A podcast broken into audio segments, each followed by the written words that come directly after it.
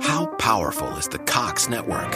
So powerful that one day the internet will let your doctor perform miracles from thousands of miles away, Connecting to remote operating room. giving a whole new meaning to the term house call. Operation complete.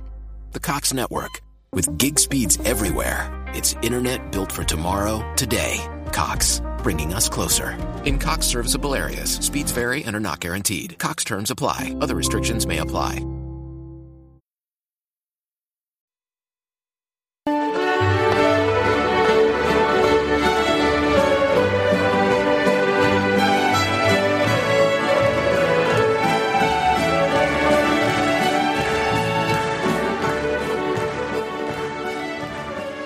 Välkommen till en vandring tillsammans med en av Sveriges mest kända och lästa poeter, Erik Axel Karlfeldt.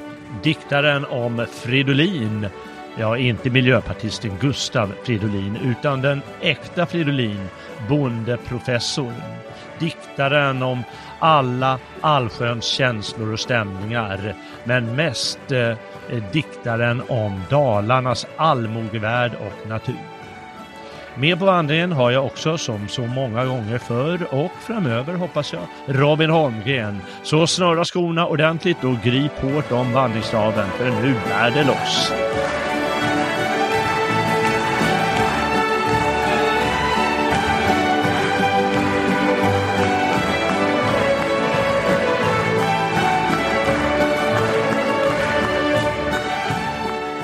Hej Robin!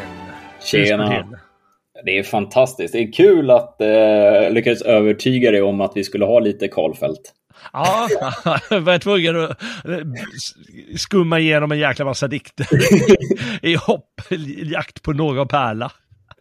Ja, men ja, det finns ju så många, men, eh, nej, men det är, jag tycker det är viktigt att vi hjälper till att eh, folkbilda våra kamrater eh, så att Ja, det får vi göra. bra poesi. När, när du säger på det där sättet så vill jag bara säga att eh, jag har ju sagt det förut, men jag har ju svårt för Karlfeldt. Eh, Jag Mm. gillade honom när jag var ung. Eh, Skrättsekunsstolen tyckte, ja men det här är sköna grejer. Men nu tycker jag, ty, jag tyckte inte den här gången heller, tyckte det var svårt att hitta dikter som faller mig på läppen. Det är någonting Ja. med anslaget eller tonen eller, ja, jag vet inte vad. Ja, ja, jag är ju fortfarande ung då. Ja, du är ju ungdom. Ja. Mm. Så att, eh, Och Dalarna har du bott i, eh, har du sagt, men du, du är stockholmare i grunden? Ja, ja, ja. Jag, är, jag tror jag är femte generationen stockholmare faktiskt. Men Ja, det. eh, jag bodde en sväng om i Älvdalen faktiskt. Ja, ända där uppe. Jajamän. Är det längst upp i nordväst eller? Ja, Nästan. stämmer. Ja, okej. Mm. Jättestor kommun, få invånare. Ja, precis ja. Jaha, ja. Vad gjorde du där då? Pluggade Ah, ja, okej. faktiskt. Mm, jag förstår. Ja, ja, ja, okej. ja. Ja, nej, men det är ju bra att du, att du säger att vi tar Karlfeldt eh, nu också. Vi har ju hunnit med eh, Lucidor, har vi sagt, eh, s- eh, 1600-talspoeten. Inte Mm. så känd bland alla, men Sagnelius känner de flesta till åtminstone. Hoppas jag någonting från skolgången. Och Fröding har väl alla hört talas om eller läst. Och Heidenstam givetvis. eh, Och jag vet inte om jag missat någon, eh, men nu blir det alltså Karlfeldt. Ja, men då, då känns det ändå som att vi har tagit gräddan av svensk poesi ändå. Ja, ja, det kanske jag har. Vi har ju, vi har ju Bellman kvar. Ja, jo, okej då. Och så Tegnér var ju länge också nationalpoeten. Runeberg hade vi förra gången, men det var ju inte hans poesi. Utan Nej. det var ju mer hans episka verk. Men ska vi inte räkna honom som finne? Där vi räknar om finne, ja. Jo, jo, det är sant. Ja. Och när han levde då var det ju inte svenskt längre. Så, ja, Nej. Ja. Men han skrev på något eh, konstigt språk. Ja, jo, det är sant. Svenska. Ja, ja. Ja, det får vara som det är med det. Eh, Jag ska skrämma dig någon gång och säga att vi ska ta itu med Strindberg. För det är några som får, många som fått för sig att han är knäpp, men han, han är jäkligt skön. Alltså, ja, då får du, då kanske, Strindberg kanske är min variant av Karlfeldt då. Alltså, Ja. jag, jag har inte så mycket över till Strin- Strindberg faktiskt. Nej, just det. Men eh, det säger man när man inte har läst karln. ja, du kanske har läst för lite då, det är sant. Ja, för lite, ja, precis. Ja. Ja. Nej, men eh, det, det, det tar vi det programmet. Nu, nu kör vi väl Karlfeldt. Och han lever ju också ett liv, tro det eller ej. Ja, vi får Ja. Ja, här har jag skrivit upp att han föddes 1864 för den som kan intressera för sånt och eh, eh, gick till sömns eh, slutligen 1931. Mm. Mm. Och eh, han har, eh, jag menar, till skillnad från till exempel Strindberg, eller Heidenstam, eller Fröding och en och annan till som liksom visade upp sig ganska mycket. De där är extrema, Strindberg, Heidenstam och Fröding. Mm. Eh, de, de visar ju upp allt. De, de skylde ju inte. Menar, Strindberg han skrev ju i något brev här, ah, nu jävlar har jag mätt den och eh, den kom upp i, eh, när jag hade ett praktstånd, fick upp så och så många centimeter. Ja, gissas. Ja. Det var så de, de höll ju på på den tiden och utmanade normerna, helt Ja. enkelt. Ja. Lite mer Men- progressiva kanske. Vad sa du? Lite mer progressiva. Ja, ja, ja, eller vad man vill kalla det. Men Karlfeldt han skyltade ganska lite med sitt liv. Mm. Och eh, det är liksom, när man läser tidiga litteraturhistoriker från kanske 20-30-talet, då står det väldigt lite, eller 40-talet, det står så väldigt lite om hans liv. Nu har man väl letat, luskat reda på lite mer. Mm. Men eh, han föddes ju i en eh, eh, liten socken som heter Folkärna i Karlbo by. Tydligen, och det ligger alltså nära Avesta och det är ju knappt så att det är Dalarna. Det ligger till skillnad från Älvdalen längst ner i, i sydost. Jajamän. Jag har faktiskt varit där. Ja, du ser. Jag har nog aldrig varit i Avesta. Nej, jag har varit i ett par ställen i Dalarna, men inte där. Men det är ju väldigt stort Dalarna och det är fascinerande. Avesta, det ligger alltså, det är bara 10 mil från Uppsala. Ja. Det vill säga 17 mil från Stockholm. Det är ju i stort sett i, i centrala Sverige. Ja. Alltså eh, politiskt sett. ja. Och jävligt långt bort från Älvdalen. Ja, precis. Ja, ja. ja jag tycker vi, vi får ju slå Gustav Vasa, får vi, anlita, äh, får vi eh, an, anordna ett eh, lopp som går från Avesta till Älvdalen. Ja, precis. Usch, den, den blir tuff. Men det passar ju bra så här i eh, Vasaloppsveckan också. Ja, just det. Ja, det är sant. Eh, Ja, perfekt. Eh, Eh, han, eh, han hette inte Karlfeldt från början, utan som alla andra eh, eh, män så hette han ju Eriksson. Mm. Eller Larsson eller något sånt där, men pappan hette Erik förstås. Och han bytte till Karlfeldt, det var väldigt vanligt vid den här tiden. Eh, Och det, han, han bytte inte namn på grund av den förnedring jag snart ska, eller förnedrande historien som snart ska säga något om, utan han bytte nog namn eh, bara för att det var många som gjorde på den tiden. Mm. Min morfar berättade om sin pappa eh, som jag tror hette Mårtensson. Mhm. Och han bodde i trapphus i Stockholm med sju eller åtta andra Mårtensson. Och kan ju fatta liksom om man heter Eriksson eller Larsson eller Andersson. Ja. Anders Johansson. Det liksom blir hela det är 20 stycken i trapphuset. Ja, men det går ju inte i längden. Så det var vä- väldigt många som bytte namn till så här, Karlfeldt, han var från Karlbo. Mm. Eller att de tog sådana här Tallqvist och Åkerblom, sådana där eh, naturnamn. ja. Mm. Och så bytte de namn. Så det var faktiskt vanligt vid den tiden. Ja.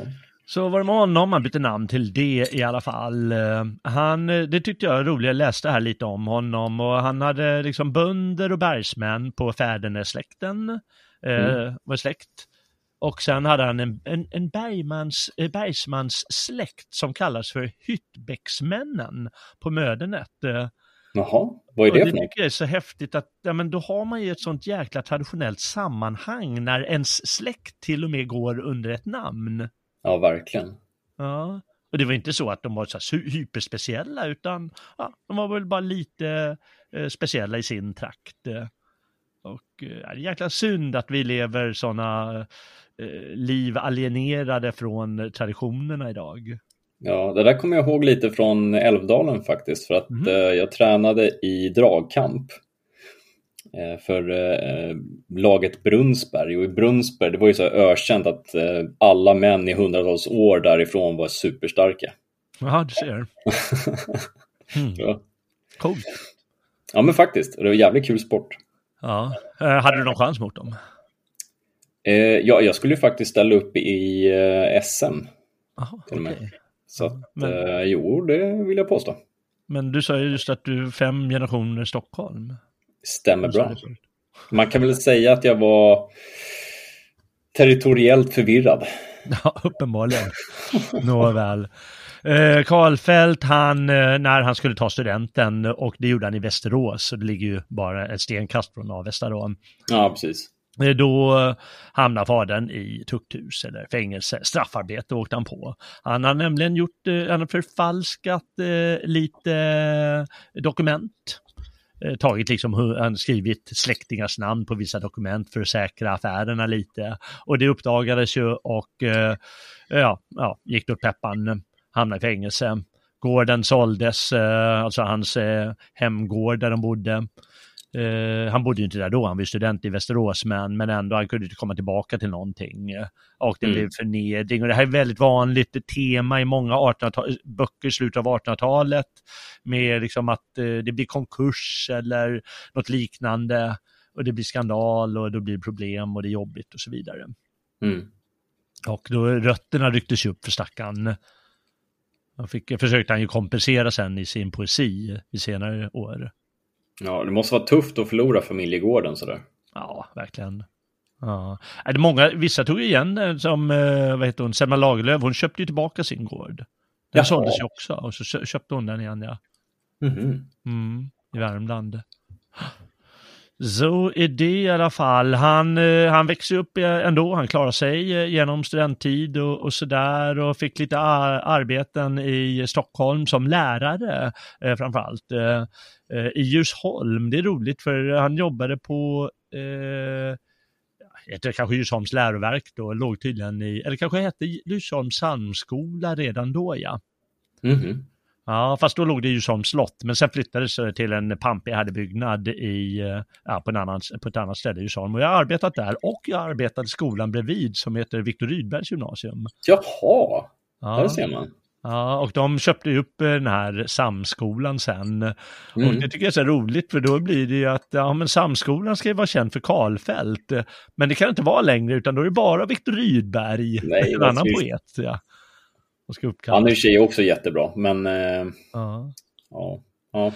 en liten historia innan vi går loss på poesin här också. Det tycker jag är så fascinerande. Alltså, du vet, de absolut sämsta skolkök jag har besökt, eller skolbespisningarna, Mm. det är alltså Samskolan i Djursholm och Östra Real.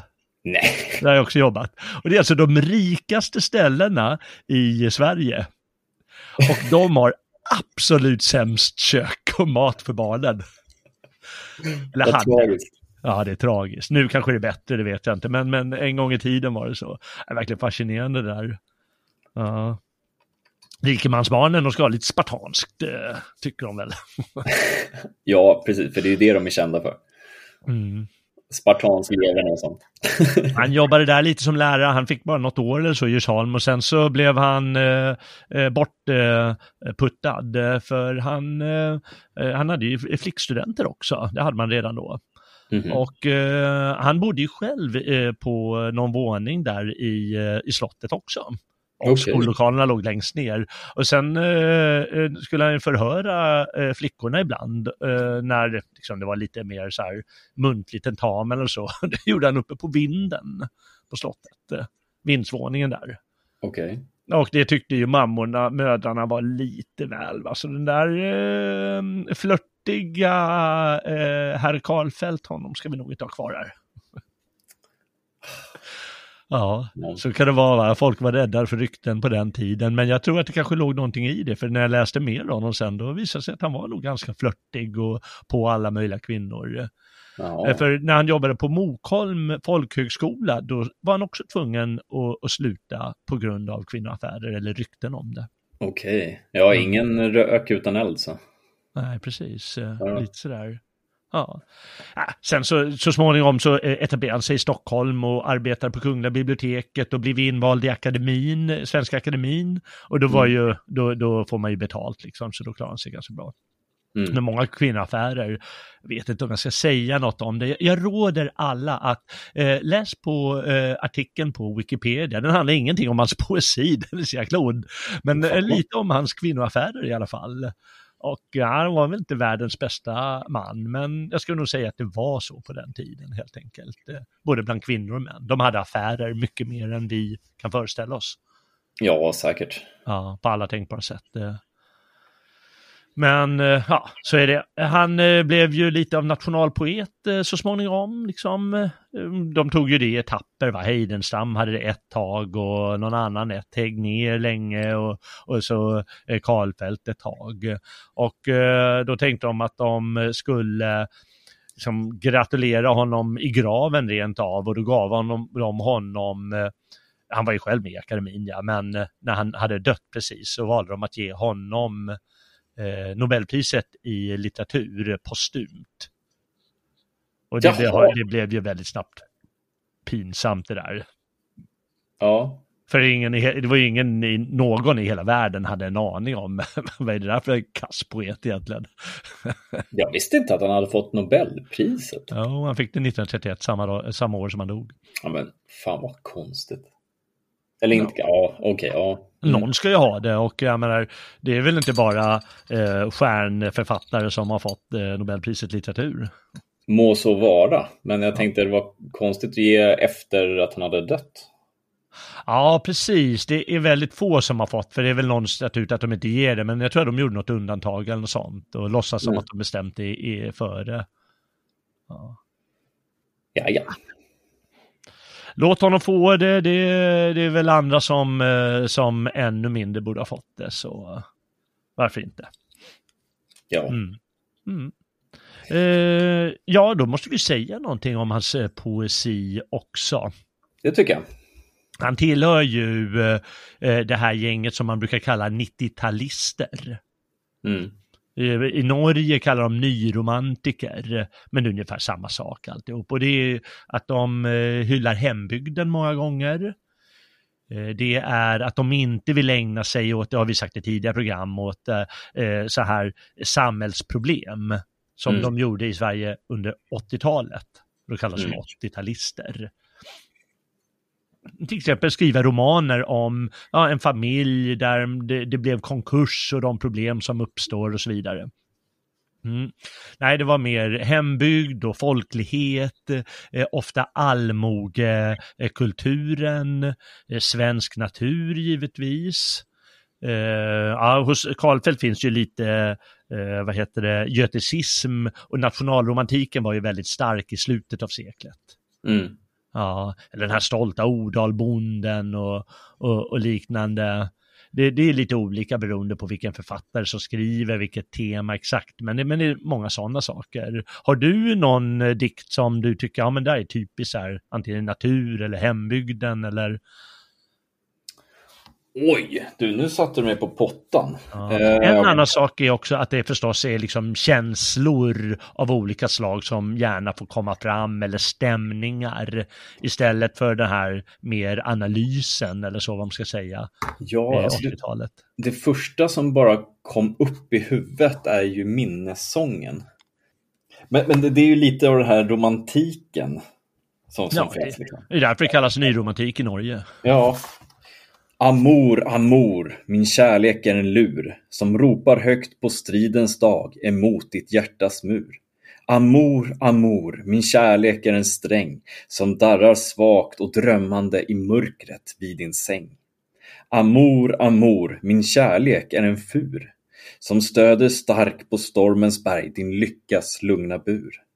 Amor, amor, min kärlek är en ek vars virke blir ditt helgonskrin då du är död och blek. Mm. det är fint. Mm. Ja, det är en kärleksdikt. Han har skrivit väldigt många kärleksdikter faktiskt. Eh, mm. Han, någonstans läste jag den stora erotikern i svensk, eh, i svensk, en av flera i alla fall. Och ja, mm. det, det, är flera han har, liksom både problematisk och lite drömsk och lite vacker kärlek. Uh. Ja, men ja, jag tycker att han, han han försöker vara lite Fröding ibland alltså. Han är väldigt mycket Fröding. Han försöker vara väldigt mycket Fröding. Mm. kan man säga, ja, lyckas eller inte. Hur, det, man kan ju inte vara en annan person. Men... Nej, han gör det ju ändå på sitt sätt. Men det, mm. det påminner ganska mycket om det. Ja, men det gör det. Och det är för den som undrar bara, minnessång, det är faktiskt eh, eh ett eh, betyder kärleksvisa egentligen. Det är alltså de tyska medeltidspoeterna, de kallade sina kärleksdikter för minnessånger. Alltså du är ju en brunn av vishet alltså. ja, visdom vet jag inte. ja, jag råkar ha hållit på en del med litteratur så det ska jag väl ändå kunna att det kan. Betyder. Ja, men eh, det är ju kul för då ger han det i den här mer svenska tappningen med furen och eken och så. Mm. Uh, och inte minst ger han det ofta och gärna givetvis tappning alla Dalarna.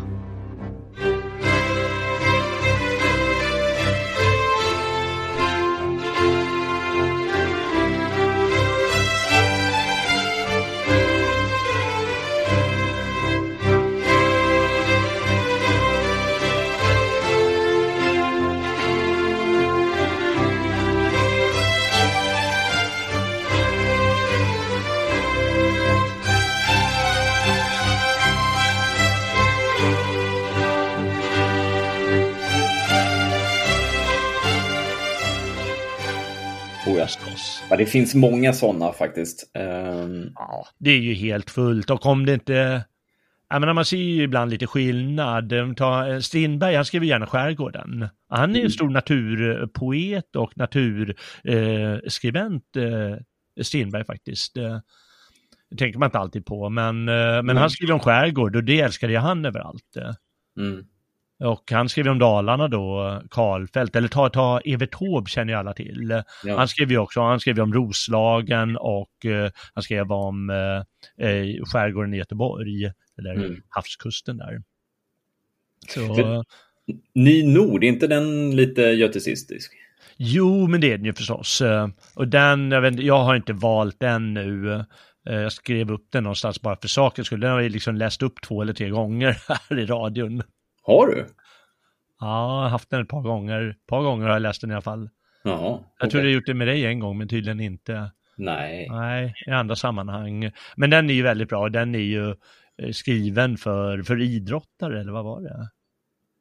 Ja, det är din brunn alltså. Ja, men den är skriven jag tar emot det du öser ut. Ja. ja, men den är väldigt bra. Jag har inte valt den, jag har varit på andra götesistiska dikter.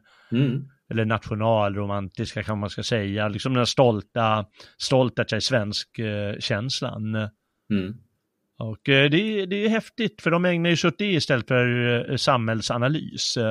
Och mm. Eh, det är det vi älskar mest av allt. ja. ja. Och det är ju underbart med Sverige, för det är ju inte lika kultur, ska man säga, kulturellt uppodlat som till exempel Frankrike och Italien och sådana länder. Utan det är ju mycket mer vilt och vildmarken är ju ett stort tema hos honom. Ja, ja. Hans första diktsamling heter väl rent av det. Vildmarks och kärleksvisor. Mm. Den kom 1895, det var då han slog igenom. Jag, jag tycker att den här boken Flora och Bellona, det är lite roligt. Men det är väl så typiskt svenskt att vi, vi, vi är stora i det lilla. Alltså att ja. varje, varje, varje liten by och socken, varje litet hemman är liksom sin egen skönhet och sitt eget slott. Ja, precis. Jag tänkte, jag kan fortsätta läsa en, eh, faktiskt hans första dikt, det är inte hans första skrivna dikt, men den första liksom publicerade i en sån här stor diktsamling. Mm. Och, och, den har precis lite av det där eh, anslaget och innehållet som du eh, just eh, nämnde. Mm. Och den heter Fäderna. Och den går så här. Ej finns deras namn på hävdens blad, de levde i ringhet och frid, men jag skönjer ändå deras långa rad allt upp i den urgrå tid. Ja, här i det gamla järnbärarland, de bröt och åker på älvens strand och malm ur gruvan bredvid. De kände i trältjänst, förstod och i krus, de sutto som drottar i eget hus och togo sitt högtidsrus. De kysste flickor i livets vår, en vart deras trofasta brud.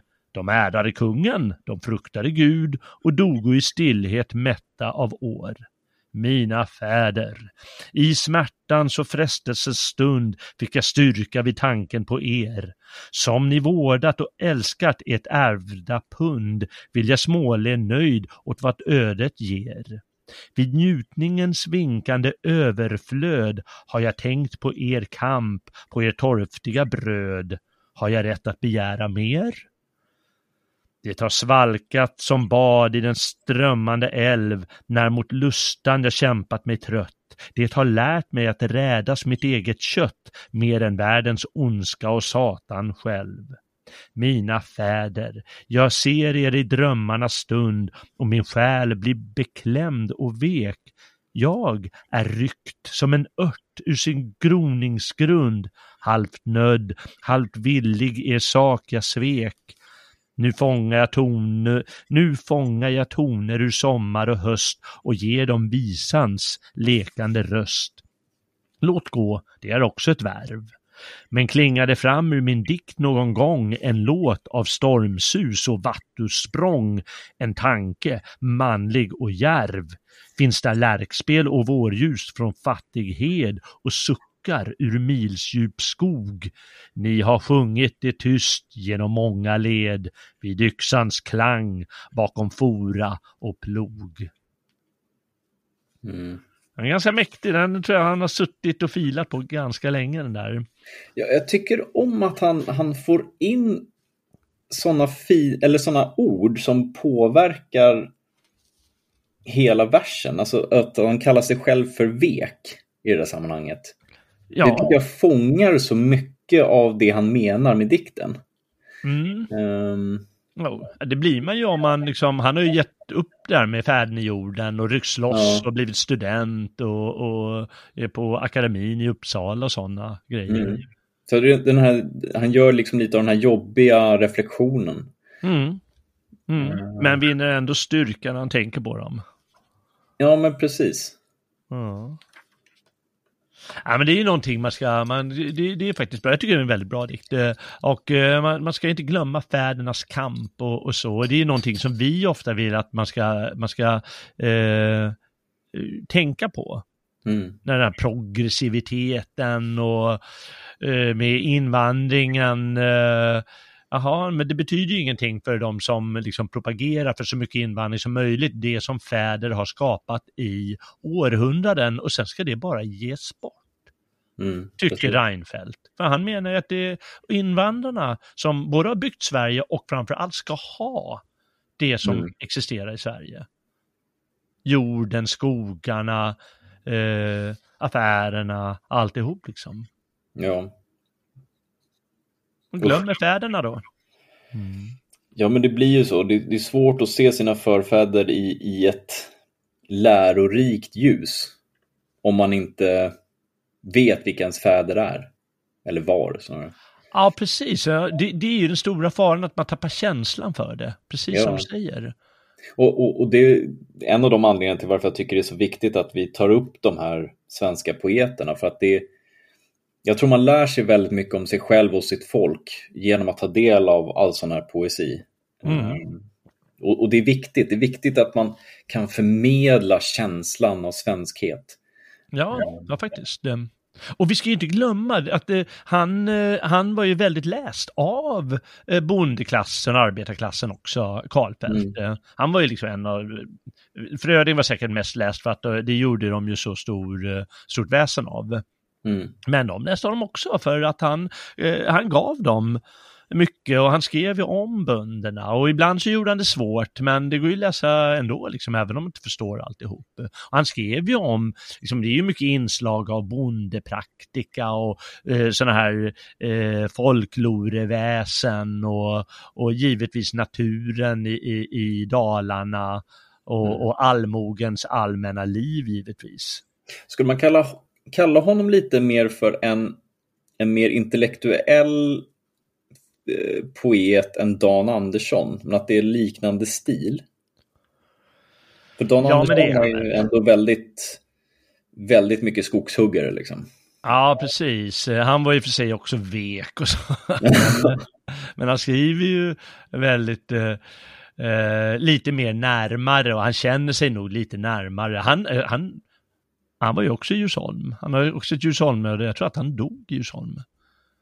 Nej, han tog in på hotell då. Stan, gjorde han inte det? Nej, jag, jag, tror att det var någonstans där ute i Danderyd han tog in på hotell och så Jaha. dog han där. Jag har alltid trott att det var i Gamla stan. Jaha, kanske var jag kanske jag eh, minns fel här nu. Eh, men, ja, nej, men det var nog sant. Han är mer intellektuell och han vet ju om det givetvis. Mm. Eh, eh, vet han, Karlfeldt. Eh, han, han har ju sin idé om den här eh, Fridolin då. Mm. Som alltså är eh, den lärde som ger sig tillbaka, ger, åker tillbaka till bonnajorden och försöker sig på det. Och det är ju en gammal, gammal stolt poettradition i Sverige som går tillbaka på, vad heter han, uh, Almqvist. Mm -hmm. Carl Jonas Love Almqvist, för han, han, uh, han försökte sig på det där i början av 20-årsåldern.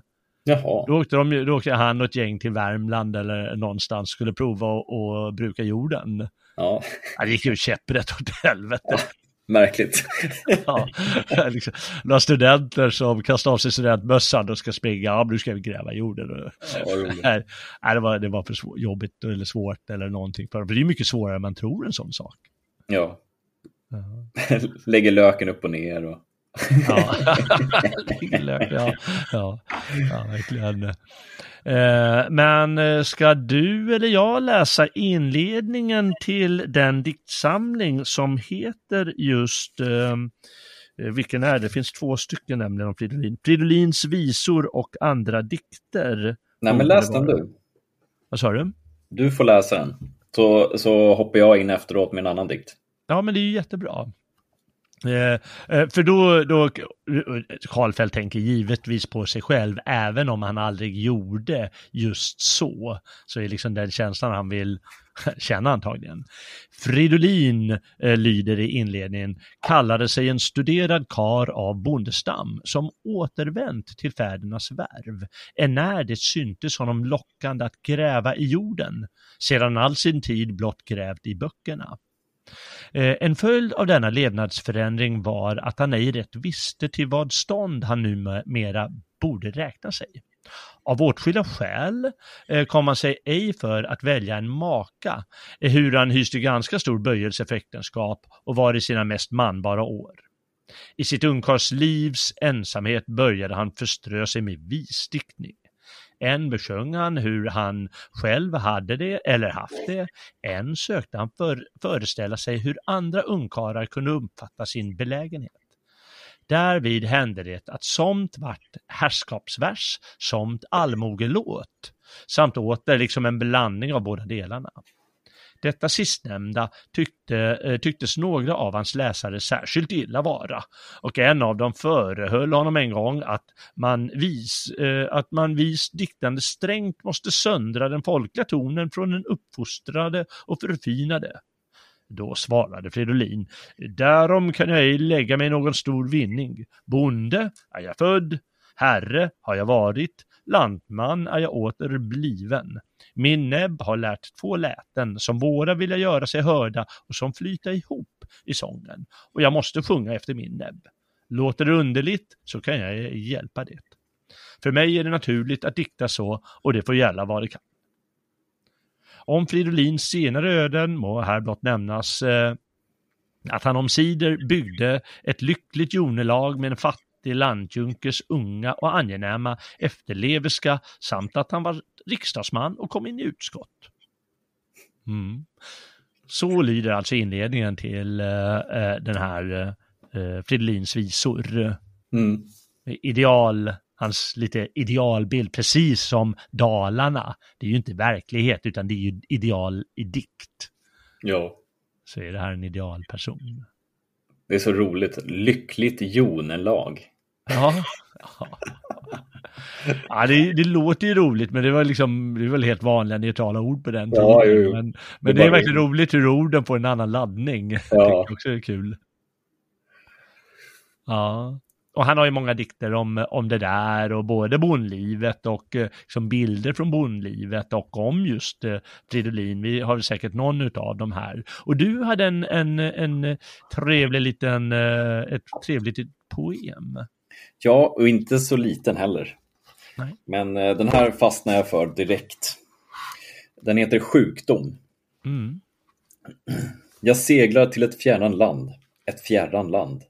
Jag ser en strimmande båk, Det står ett okänt folk på strand och talar ett okänt språk.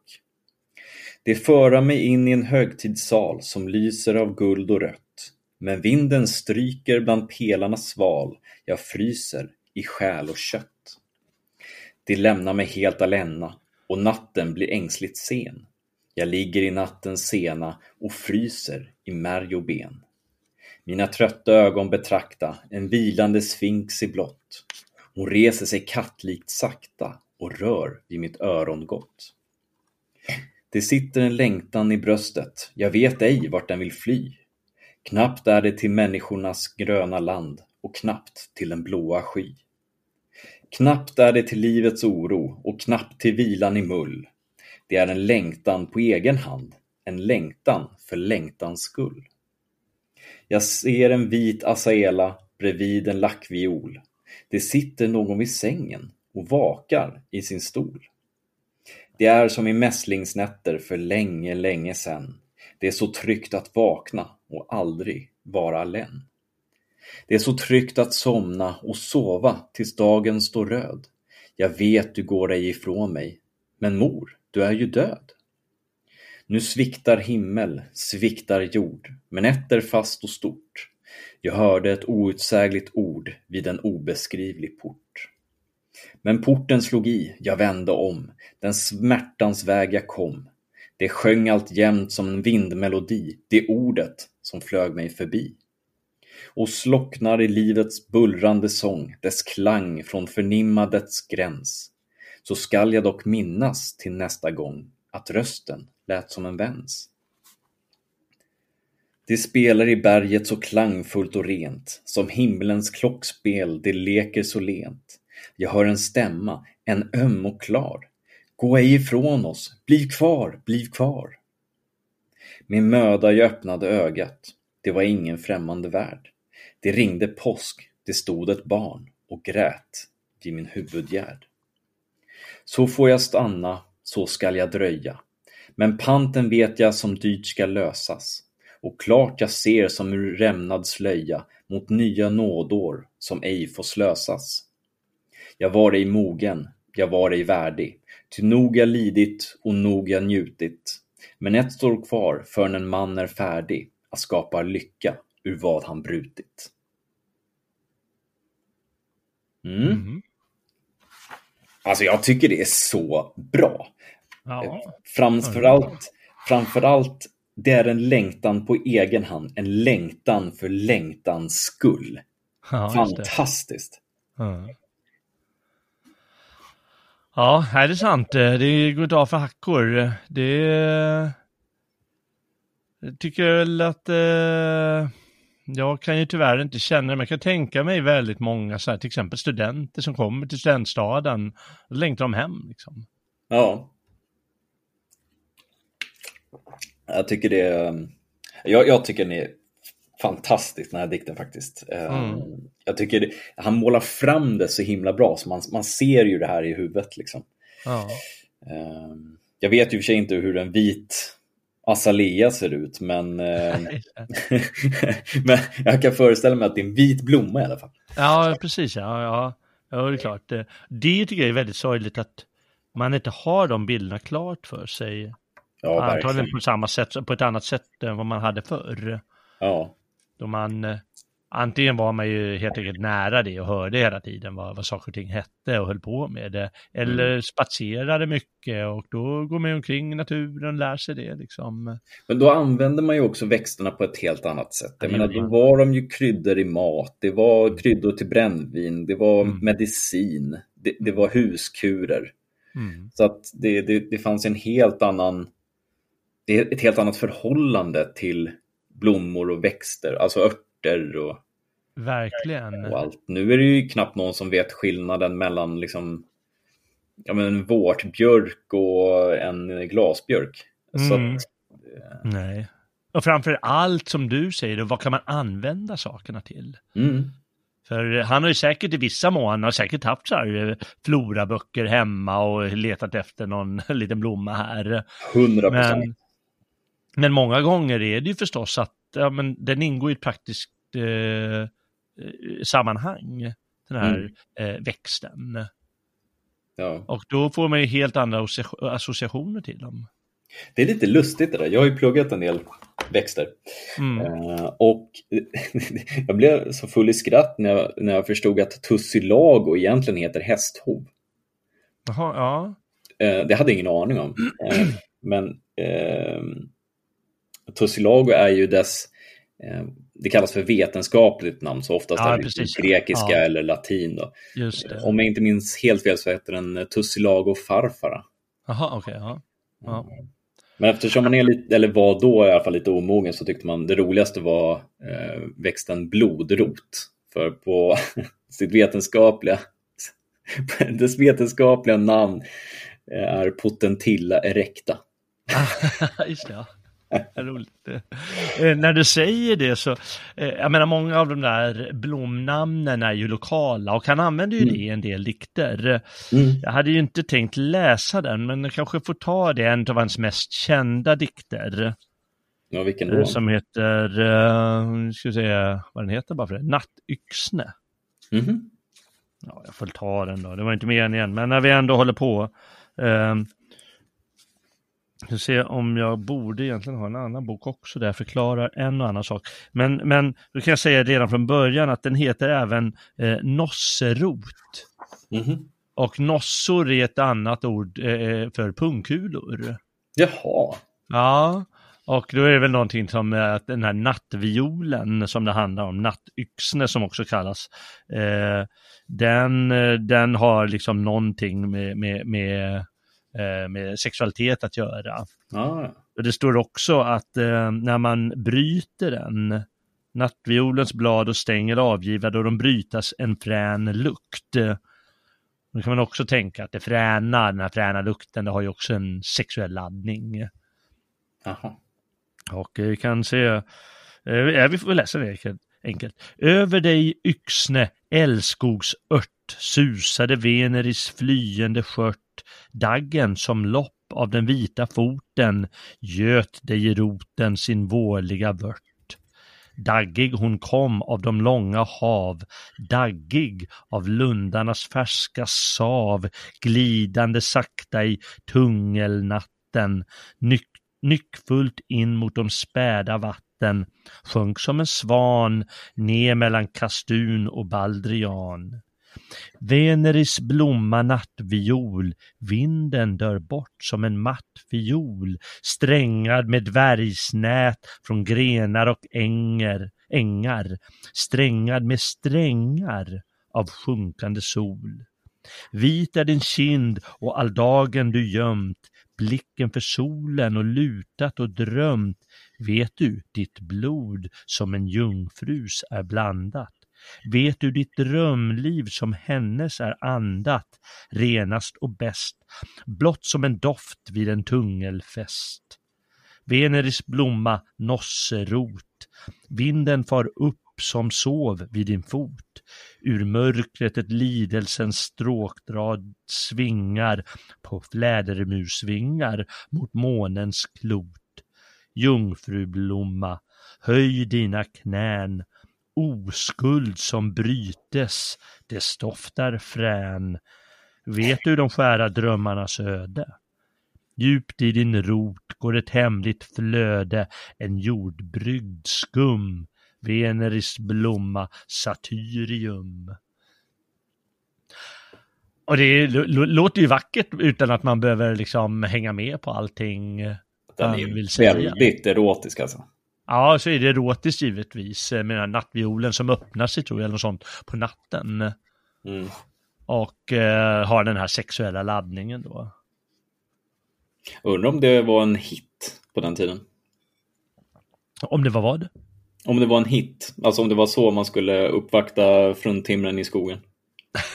man tar med dem till och plockar en nattviol åt dem. Ja, jag tänkte om man läste upp dikten när man låg där på en sommaräng liksom. Jaha, ja, ja det det var säkert de som gör om man var poetiskt lagd. Upp i kjolen och så här på knäna. Alltså, okej, ja, så kan man också säga. Ja, det var, det var så jag tolkar den där dikten. Ja, ja. ja, ja alltså, så, så tolkade, eller så tänkte inte jag. Jag fick inte riktigt av associationerna, men ja. nej, varför inte? De är, för det är för att de är sexuellt laddade givetvis. Han har ju rena kärleksdikter som är det och, det, och sen har han de här då, där förstås olika sammanhang i orden då, eller blommorna och så ska, ska ge de här associationerna på olika sätt. Mm. Och inte vara helt klara med vad de ger utan mer som, ja, jag ska ge dem associationer.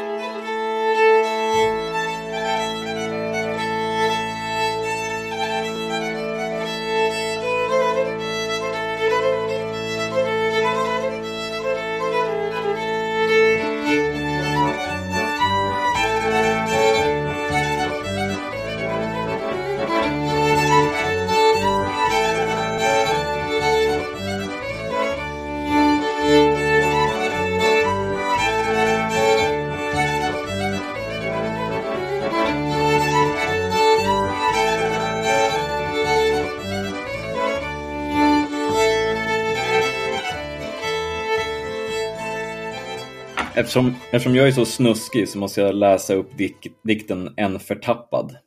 Mm, jaha, ja, ja, en snuskdikt. Ja, spännande. Nej, jag tänkte mer att jag har mina tillkortakommanden. Okay. Eh, jag tänkte dansa evigt rask vid ljus och lyktors sken. Jekorum, dansen går, tiden står. Då kom en ångest själva och kröp i mina ben. Då märkte jag min famn var tom, jag dansade allen. Jag tänkte sjunga åren runt med oförgänglig röst. Jakorum, sången går, tiden står. Jag är en evig västangök, en evig gök av öst. Då kom ett eko långt ur norr och gol om sorg och höst. Jag satte mig på bänken under backig vingårdsskylt. Jakorum, bägaren går, tiden står. Mitt bleka, blacka liv jag ville dricka vin förgyllt. Då kom en smak i munnen som med drav jag själen fyllt. Snart tänker jag att resa till ett främmande land. Jakorum, tiden går, klockan slår. En dödergök som ropar hest, ro båt vid, vid Stygens strand.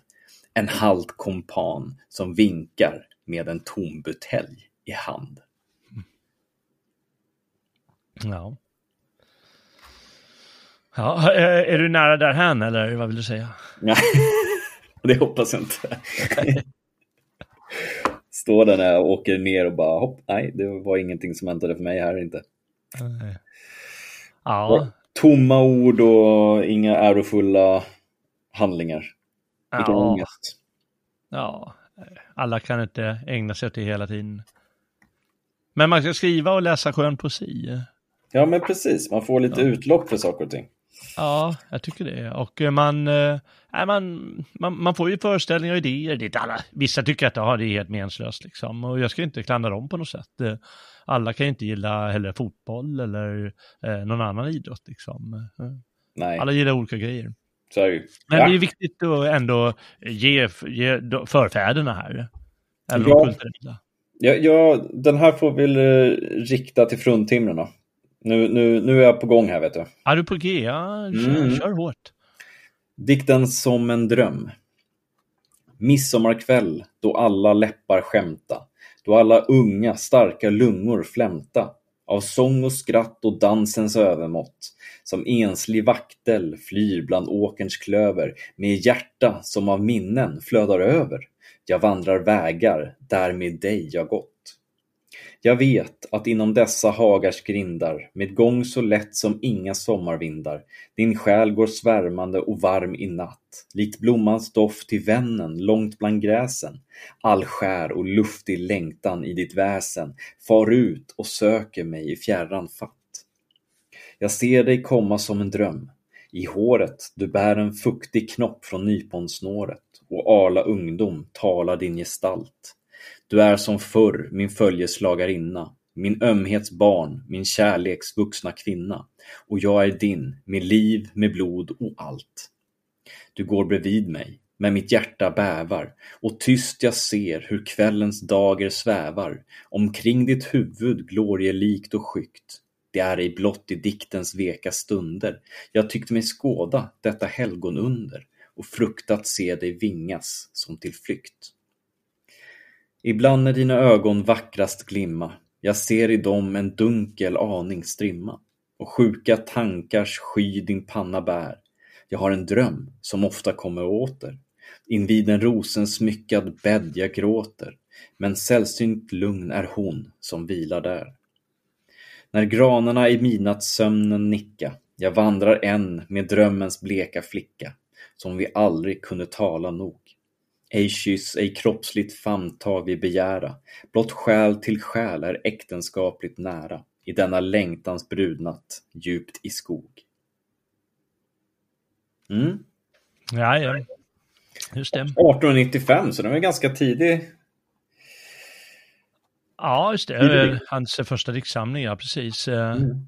Ja, nej men det är kärlek eh, och eh, eh, lust och det är vackert. Ja. Får man säga.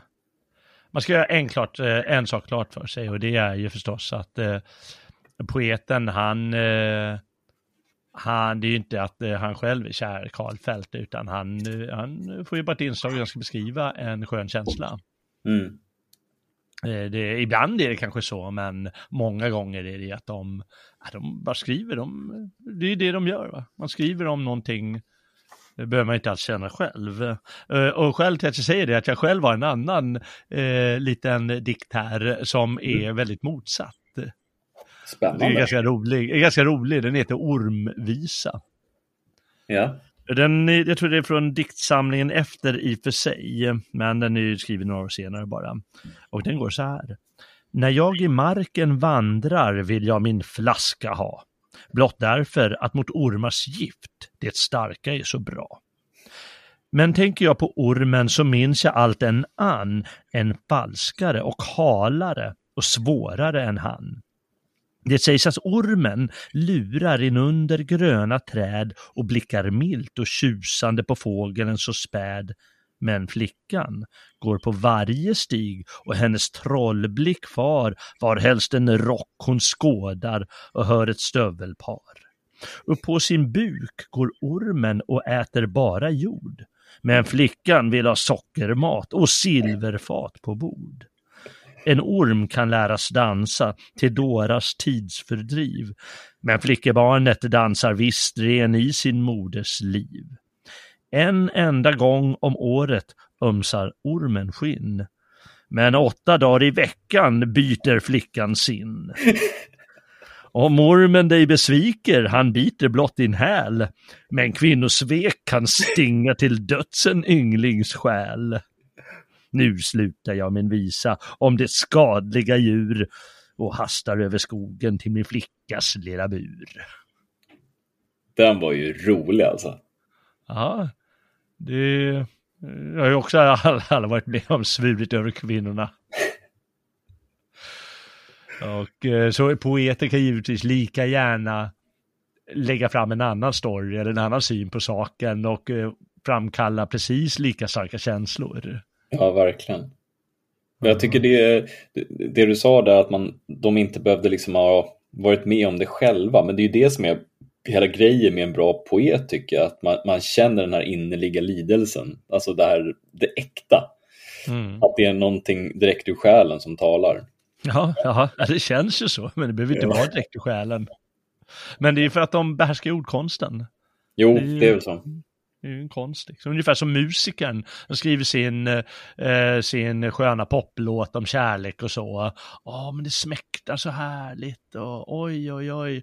Men han känner inte skit så går han och drar med sina groupies efteråt liksom. Ja. Han känner inte den känslan.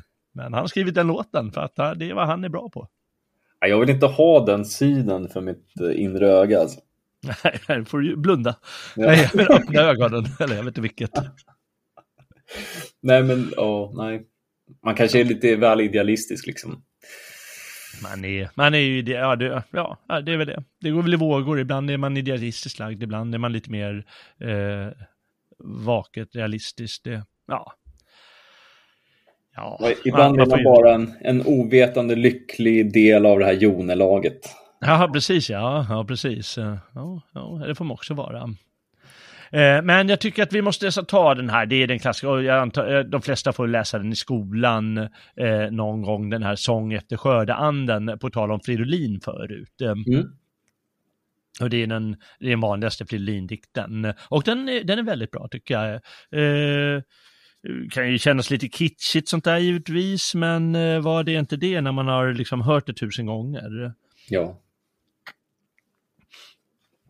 Jag ska säga på en gång här att det handlar inte om eh, en skördeande.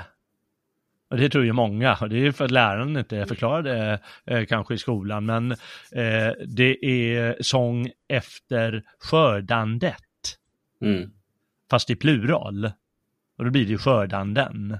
Det är bara ja, att ta kvar e här. Men alla tror ju att det handlar om, var är den jäkla anden någonstans? Men det är ju bara det att det har skördats och nu sjunger vi efter det. Mm. Och eh, då går den så här. Här dansar Fridolin. Han är full av det söta vin, av sin veteåkers frukt, sina bärmarkers saft, av den vinande valsmelodin. Se, med livrockens väldiga kört på sin arm, hur han dansar var flicka på balen varm, tills hon lutar, lik vallmon på slokande skaft, så lycklig matt mot hans barm. Här dansar Fridolin, han är full av minnenas vin. Här hugsvalades far och farfar en gång av den surrande bondviolin. Men nu soven i gamle i högtidens natt och den hand som gned strängarna då är nu matt och ert liv samt er tid är en susande sång som har toner av sucksamt och glatt. Men här dansar Fridolin. Sen er son, han är stark, han är fin och han talar med bönder på böndernas sätt, men med lärde män på latin. Och hans lie går skarp i er nyodlings gull och han fröjdas som i när hans loge står full och han lyfter sin mö som en man av er ett högt mot höstmånens röda kastrull. Ja. Mm. Och det var ju en fest.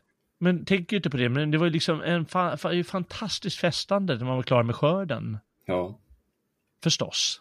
Tror jag det, det är jobbigt som fasiken. Det är jobbigt, det är ett livsviktigt arbete och det är, ja det måste ju göras liksom. Mm. Ja. Så är det. Hinner vi med en till eller ska vi? Ja, jag, jag måste nog få ta en, en götisk till, men Eh, ja, eller så struntar jag den och du kanske har en väldigt, eh, väldigt, väldigt, väldigt bra. Alltså jag, jag vill ju verkligen köra träslottet här. Mm. Ja, du tycker du ska göra det. Ja, vad skönt. Uret slår med hammaren och märker tidens flykt. Vi haver du dig i kammaren, så sörjande innelykt. De nattutsprungna häggarna, det vaja blomstertungt och dofta utom väggarna där eh, sommaren lyser ungt. Vakna och svalorna och humlor och honungsbin. Vinden rider på falorna sin sunnan häst med vin. Fara vi ut i hans ljumma spår och fara så snabbt och vitt att vi rida förbi det dumma år som löp sen vår sista ritt. Brinna de bleka lågorna i smedernas sotiga skjul, dansa de branta vågorna kring frustande vattenhjul. Kuttrar de blåa duvorna och ropar den gråa gök. Dallrar ännu över gruvorna den rosiga rostugnsrök. Allt vill jag se som jag sett det förr och intet får vara förbytt. Husfru i furuslottets dörr, du är femton år på nytt. För du mig in i din gästabudsal till dröm och aftonro. Dagen är skum och luften sval som i det förgångnas bo. För mig in i din högtidssal till ro och aftondröm. Månen står still som i Ajalons dal över tidens vilande ström. Apostlarna och profeterna med vadmalsrock och kaskett spatsera ännu på tapeterna kring sjön Genesaret. Bruntarna och blackarna med svallande svans och man knoga uppför backarna med heliga män i kaftan. De grå och apelka eller apelkastade det synas knäa trött, på svankig rygg belastade med fromt och frodigt kött. David står på hög altan och ser på Batsebas bad. Ulliga jordar går vid Jordan och beta av oljeblad. Vet du, en gång då jag kom till besök och satt i din ryttares sal grep jag prins Absaloms bruna ök som flydde i Efraims dal. Lustigt jag red som till sommarfest genom gökskog och näktergalsland. Det är den diktens flygande häst som bär mig ännu ibland. Öppna de tunga kistor av ek som gömma bak väldiga lås. Den åldriga skatt som tiden gjort blek men som varar och sent förgås. Bred kläden och dukar på bord och bänk mot sjunkande skyröd kväll. Vill jag se de vita smyckenas blänk och brokig bonad och dräll. Där ligger den brudstass andlös och tom som burits på klappande bröst. Hur fjärran den vår då dess lin stod i blom och hur fjärran dess spånads höst. Tankfull du ser på slinga och list, du unga i änkedräkt. Du bar dem av alla brudarna sist i din ärbara bergsmanssläkt. De sjunger i vindens växande vin som stråkar med sällsynt ljud, eller sällsamt ljud kring de dödas och levandes brudelin i den sal där min moder stod brud. De sjunger om blomstrens prakt som blir blek, om lyckans väv som består. De sjunger om glädjens fladdrande lek och om trohet i långa år. När jag stiger dit upp till mitt vilorum, uppför trappornas knarrande trä, då ville jag böja, av vördnad stum, för det sovandes minne mitt knä. Det susar i kammaren på vinande loft, om det trogna blod som jag ärvt, och det svävar som gammalt lavendelstoft kring kuddens skinande lärft. Jag sov vid en dånande stormnatt med vaggande ro i min själ. Du bröt mig vid grinden en stormhatt och räckte mig den till farväl.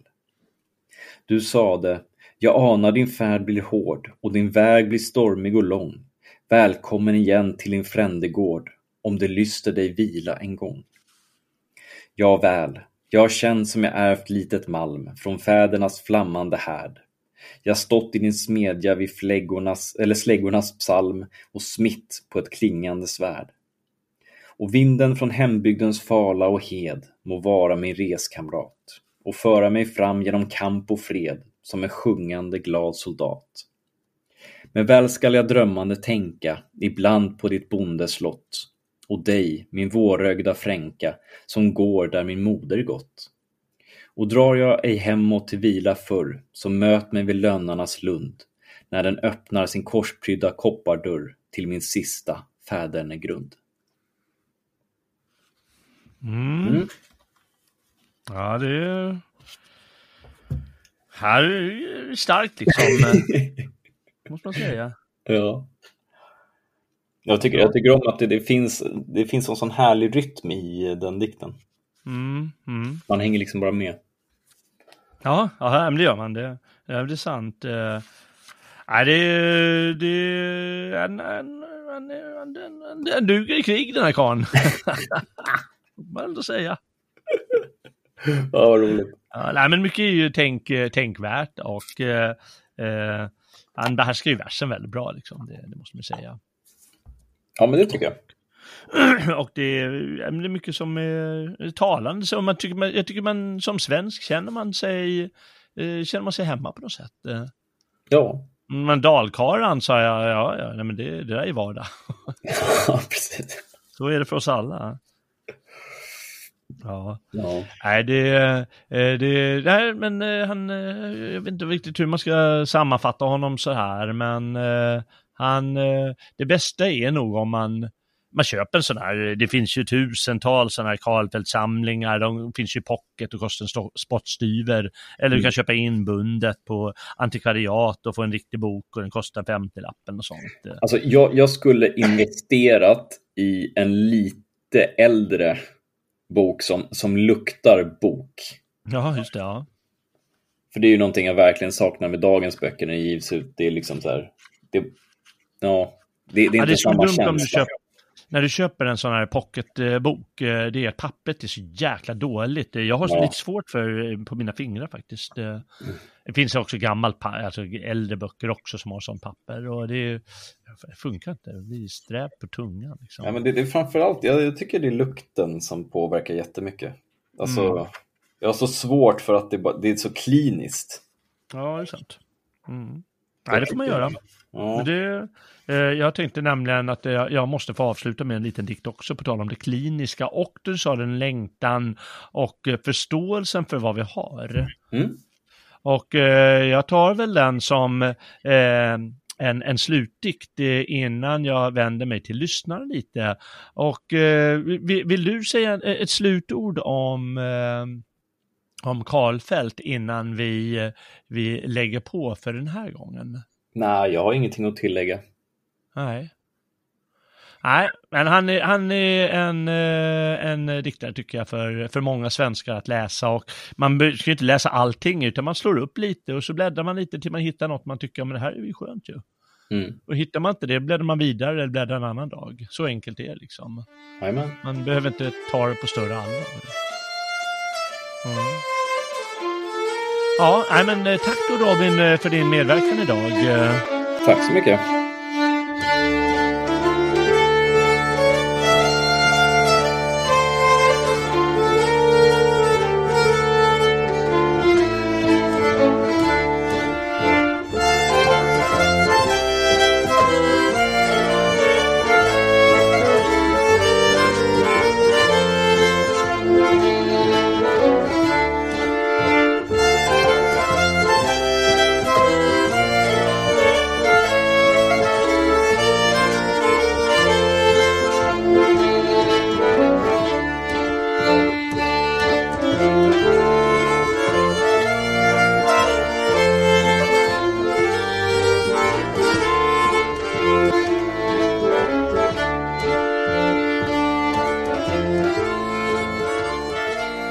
Så ska jag avsluta med en dikt som heter Till en jordförvärvare. Alltså en som vill köpa upp jord här. Och då tänker jag också att den här talar till oss idag ganska mycket och vad vi bör tänka på med, med vår jord. Och den går så här. Vad trevar du i Nordanskog kring bondens magra lott? Finns det ej grevar över nog som sälja fäderns slott? Om du har skammen att ha nått mest guld i denna nord, lägg ej därtill ett värre brott, att röva ärlig jord. Är det nog du river berg och skeppar ut vårt järn och lämnar kvar blott rost och ärg till landets verk och värn? För dig går forsen utan hejd och trälar löddrigt vit, din nära stinker kring vår nejd i skyar av sulfit i denna tid, då allting slås i kras med järn och gull, finns endast ett som ej förgås och det är jordens mull.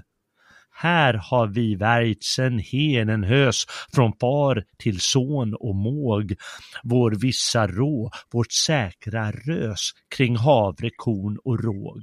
Här vart förtrogen id förlänt vad i ditt överflöd du ännu aldrig själv har tjänt ett heligt dagligt bröd. Den gamla byn, den svenska byn, står tyst med tomma hus. Ej reses majstång ner, mer mot skyn, ej tänder kvällens ljus. Gå dit och hör, om du har mod, hur träden gny en höst. Där susar sång om ätteblod, där talar Abels röst. Ty det som bort från jorden kom, det irrar som en fläkt och jorden blott kan föda om en bättre människosläkt. Det sägs för dina högre mål du saknar tid och hand att hålla upp ur ödesmål rätt månget fattigt land.